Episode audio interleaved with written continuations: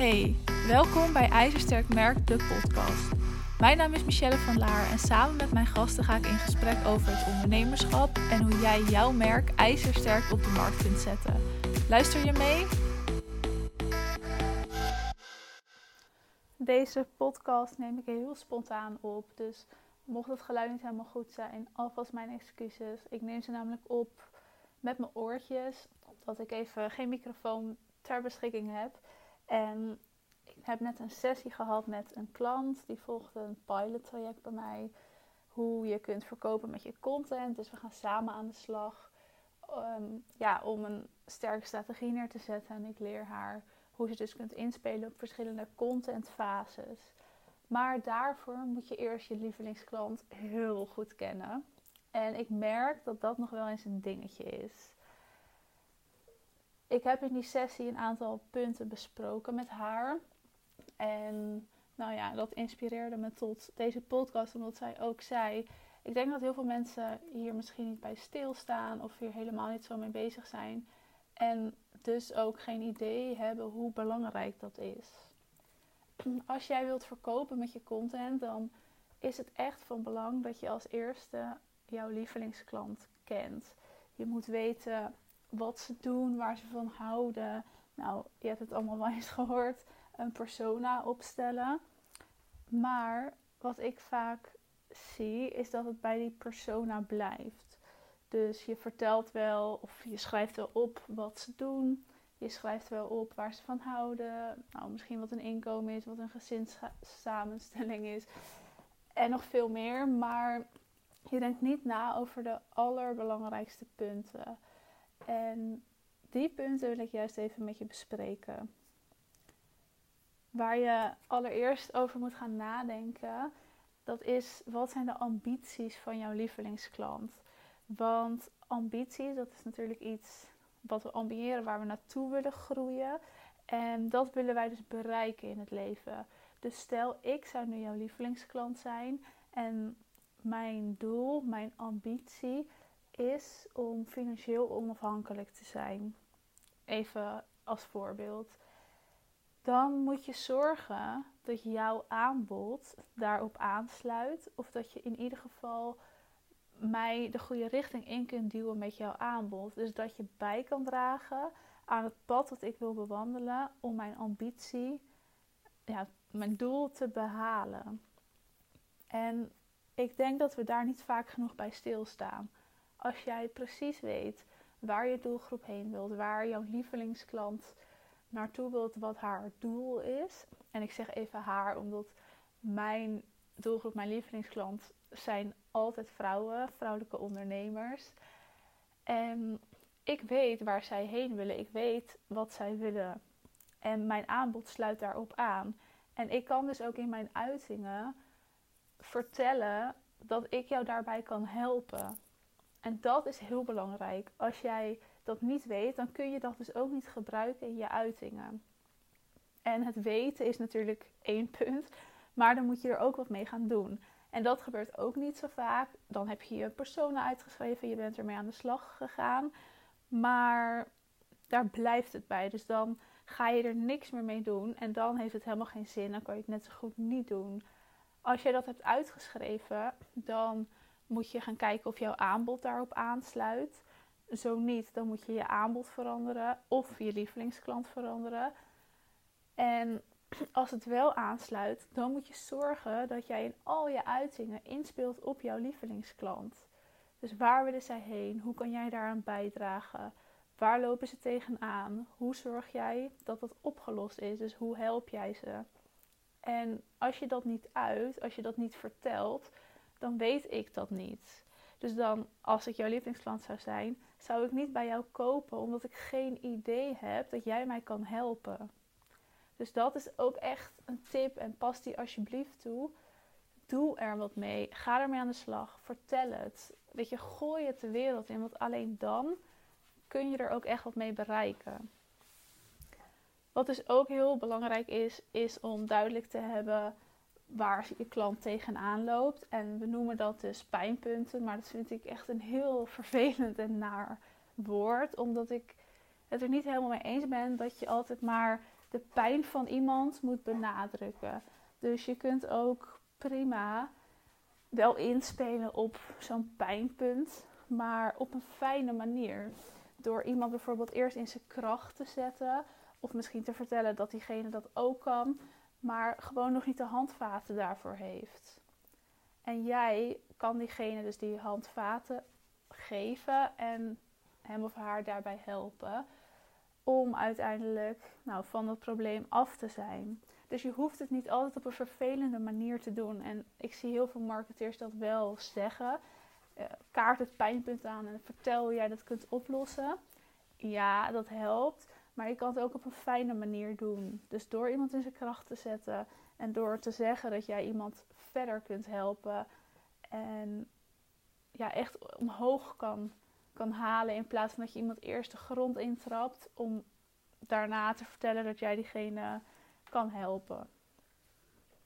Wat ik ook heel belangrijk vind, is dat je gaat nadenken over waar je lievelingsklant nu staat. En wat ze dus al weten. Dus waar hebben ze al kennis van? Binnen jouw vakgebied natuurlijk.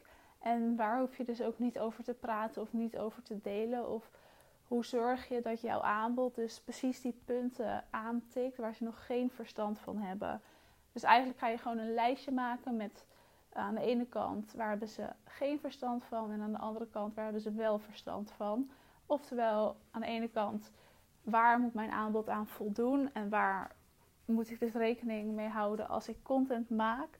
En aan de andere kant waar moet mijn aanbod niet aan voldoen, want dit weten ze al. En waar ga ik dus ook geen content over maken en niks over uiten. Je lievelingsklant kennen is echt key, denk ik, om te kunnen verkopen met jouw content. En ik heb het de laatste tijd enorm over verkopen met jouw content, omdat dat is wat we uiteindelijk allemaal willen. Content maken is leuk, maar je doet het niet voor je lol. Je doet het met een reden en dat is om zichtbaar te zijn, dat mensen uiteindelijk jouw aanbod nou, aanschaffen of kopen. Om die reden is het ook belangrijk om na te denken waarom jouw lievelingsklant jouw aanbod wel en juist niet zou aanschaffen. Dus eigenlijk ga je bezwaren opschrijven. Waar twijfelt mijn doelgroep nog over? Waarom zou mijn doelgroep mijn aanbod niet aanschaffen? En dat kan bijvoorbeeld zijn dat het te duur is, dus hè, geld of geen tijd. Of ik weet niet of ik er nu al behoefte aan heb. En je gaat voor die bezwaren een antwoord opschrijven. Je wilt zorgen dat je die bezwaren eigenlijk onderschept nog voordat ze in het hoofd van jouw lievelingsklant opkomen. Dus je kunt dit meenemen door zoiets, door, door de bezwaren in een uh, frequently asked question tabelletje op je website te zetten, op je salespagina. Maar je kunt ze ook een mailtje daarmee sturen, zodat je het al voor bent. En op die manier kunnen ze niet twijfelen. En wat ik dus ook zei, is dat je moet gaan nadenken waarom je doelgroep jouw aanbod wel zou aanschaffen. En deze punten ga je gewoon nou, omhoog halen eigenlijk. En uitlichten en extra veel over vertellen. Ik vertelde eigenlijk in het begin al dat we vaak een persona maken, heel algemeen, en het daarbij houden. En ik wil je dus echt uitdagen om, naar aanleiding van deze aflevering, een nieuwe persona te maken.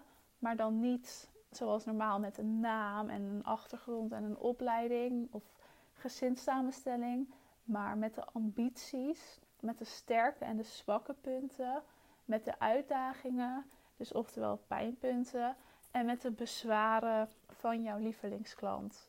Je gaat dan eigenlijk net even iets dieper nadenken en je kunt dat meenemen in alle content.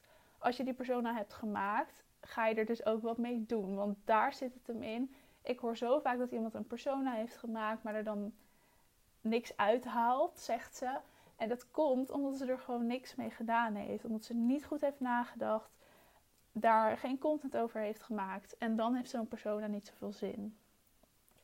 Naast de dingen die ik net zei, wil ik eigenlijk dat je nog over één ding gaat nadenken. En dat is hoe je doelgroep praat.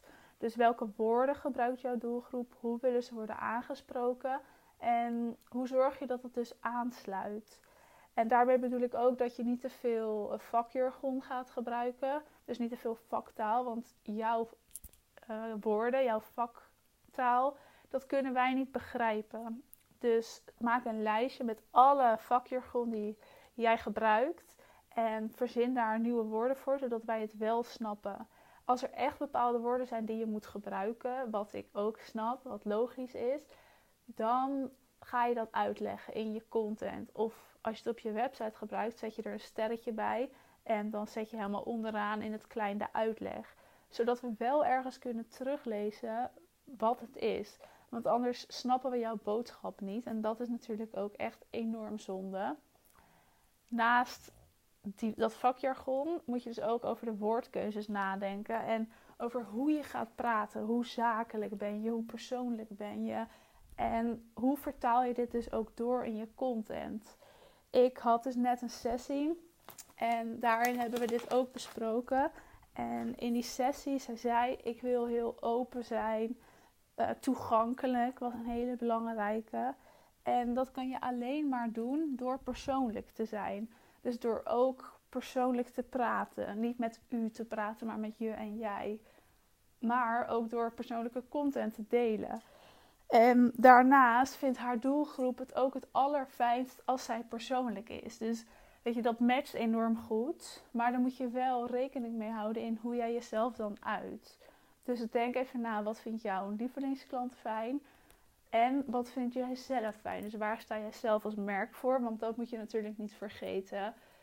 Je hoeft je niet altijd helemaal aan te passen aan jouw lievelingsklant. Jij bent alsnog ja, jouw merk, jouw bedrijf. Dus het is wel ook echt belangrijk dat het bij jou past. Stel, jij omschrijft je lievelingsklant. Of je denkt dat je je lievelingsklant omschrijft. Maar je merkt dat het of helemaal niet aansluit bij je aanbod. Dus dat dat gewoon niet matcht. Of niet bij jou als merk. Dan moet je dus iets gaan veranderen. Want ik altijd zeg, jij bepaalt zelf jouw lievelingsklant. Dus jij kunt zelf ook bepalen hoe hij of zij eruit ziet, waar hij of zij van houdt. En daar pas je je aanbod op aan. Dus in plaats van dat je eerst een aanbod gaat samenstellen, ga je eerst je lievelingsklant samenstellen. En dan kijk je wat voor aanbod daarbij past. Zodat eigenlijk je hele bedrijf gestroomlijnd is. Het past bij jou als persoon en als merk. En dan kom je nooit in de knoei, dan kan het nooit verkeerd voelen. Dan matcht alles perfect. Dus dat is iets wat we vaak doen. We doen het eigenlijk vaak in de verkeerde volgorde. Dan doen we eerst ons aanbod bepalen, want we maken een website en weet ik het. En we vergeten onze lievelingsklant op te schrijven. Waardoor we daar in een later stadium, als we daar wel een keer mee bezig gaan, eigenlijk in vastlopen en denken: ja, shit, het past helemaal niet. Dus doe het zoals ik net zei: eerst je lievelingsklant dus met ambities, pijnpunten, sterke punten, eventuele bezwaren. En daarna ga je je aanbod daarop aanpassen. Nogmaals, ik daag je uit om even zo'n persona te schrijven. Heb je nog vragen? Laat het me even weten, want ik help je hier graag mee. En ik kan je hier ook heel veel over vertellen. En weet je, desnoods plannen we samen even een gesprekje in. Maar het is zo belangrijk als jij wilt verkopen met jouw content om dit even te doen. Wat ik je nog even wil mededelen, dat is dat er 5 juli een challenge start. De Summer Challenge om te verkopen met jouw content. En ik heb daar zoveel zin in. Een tijd geleden, ja, dat is echt alweer een poosje geleden, had ik een challenge georganiseerd. En dat ging zo ontzettend goed met zoveel ambitieuze vrouwen. En nu komt er dus een challenge terug. Wel in een ander jasje. We gaan in vijf dagen leren om te verkopen met jouw chat of met jouw content bedoel ik. Dus je kunt je aanmelden via, nou ga even naar mijn Instagram en dan uh, de link in mijn bio. Heb je daar nog vragen over? Stuur het gerust naar me, maar wees erbij, want het wordt super gaaf met live masterclasses, uh, videotrainingen, een werkboek. En we zitten natuurlijk met z'n allen in een groep, dus daar gaan we ook enorm veel uithalen. Ik heb er in ieder geval enorm veel zin in, dus vergeet je niet even aan te melden. Je hebt deze aflevering helemaal afgeluisterd. Vond jij deze aflevering ook te gek? Vergeet dan niet te abonneren op de podcast en laat vooral even weten dat je geluisterd hebt. Tot de volgende keer.